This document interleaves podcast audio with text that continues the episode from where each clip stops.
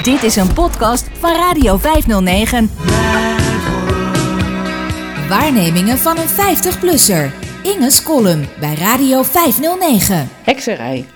Vorige week zaterdag werd in dit land aandacht besteed aan de verbranding van heksen in de vroegmoderne tijd. Daarmee worden grofweg de 16e en 17e eeuw bedoeld. Er werden witte bloemen gelegd als teken van onschuld op plaatsen waar in Nederland destijds heksen werden verbrand. De Volkskrant deed maandag verslag van zo'n herdenking op de Dam in Amsterdam. Omstanders dachten dat het weer eens om Jezus ging, maar de Bijbels werden een eind verderop verkocht. In Nederland zijn er, in vergelijking met andere Europese gebieden, weinig heksen verbrand. Maar misschien doet dat er niet toe, want iemand levend verbranden is natuurlijk afschuwelijk en barbaars, of daar nu een reden voor is of niet. En een heks was natuurlijk gewoon een vrouw die zich wat afwijkend gedroeg. Misschien wel iemand die we nu wereldvreemd of autistisch zouden noemen, of een vrouw met een verstandelijke beperking. Onschuldige vrouwen werden dus op een brandstapel gezet. Je moet daar niet te lang over nadenken hoe dat is. Een vrouw die ik er vorige week over hoorde vertellen, was bijna in tranen vanwege dit miskende leed. Dat gaat me dan weer wat ver. Ik heb het niet nagekeken, maar de laatste heksenverbranding zal toch zeker zo'n 300 jaar geleden hebben plaatsgevonden. Ook de parallel met deze tijd en de positie van vrouwen en de manier waarop op vrouwen wordt gereageerd die iets kunnen en boven de grijze massa uitsteken, lijkt me wat vergezocht. De Volkskrant maakte alweer melding van excuses.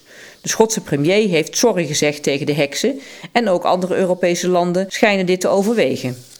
Ik heb zelf helemaal niet het idee dat de heks te lijden heeft onder een slecht imago. Heksen in sprookjes zien er wel een beetje eng uit, maar in de praktijk valt dat erg mee. Zijn ze zelfs wat naïef en loopt het slecht met ze af. Zoals met Eucalypta, de heks van Paulus de Boskabouter. Zij werd toch niet echt serieus genomen door de dieren in het bos, die haar onder leiding van Paulus te slim af waren. Ook de heks die Hans in een hok stopte en vetmeste en Grietje liet werken, blonk niet uit in geslepenheid. Ik zie het plaatje nog voor me waarop Grietje haar handen tegen het dikke achterwerk van de heks plaatst en haar in de openstaande oven duwt. Heksen vliegen op bezemstelen rond met gekleurde hoofddoekjes om, hebben iets met zwarte katten en vergaderen op paddenstoelen gezeten in een heksenkring in het bos. Niet echt angstaanjagend, hooguit lekker griezelig. De schrijver van Dick Trom had dat ook goed begrepen. Mijn vader las ons vele malen op ons verzoek het hoofdstuk De heks van de achterweg voor. In dat verhaal bleek de vrouw die heks werd genoemd gewoon een ongelukkige arme vrouw die haar huur niet meer kon betalen en daarom haar huisje uitgezet dreigde te worden. Ze werd door de dorpskinderen nageroepen, maar onze held Dick deed daar niet aan mee.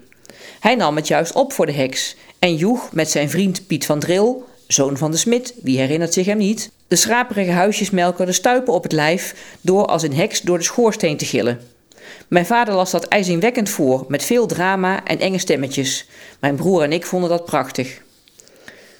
Vrouwen van nu zouden er best trots op mogen zijn om vergeleken te worden met een heks.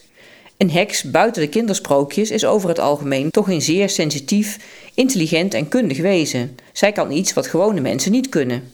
Hekserij is spannend. Ik herinner me meisjes in mijn omgeving toen ik een jaar of 12, 13 was, die zich heks noemden en zich erop lieten voorstaan dat ze bijzondere heksengaven bezaten. De zogenaamde gothics kleden zich ook als heks.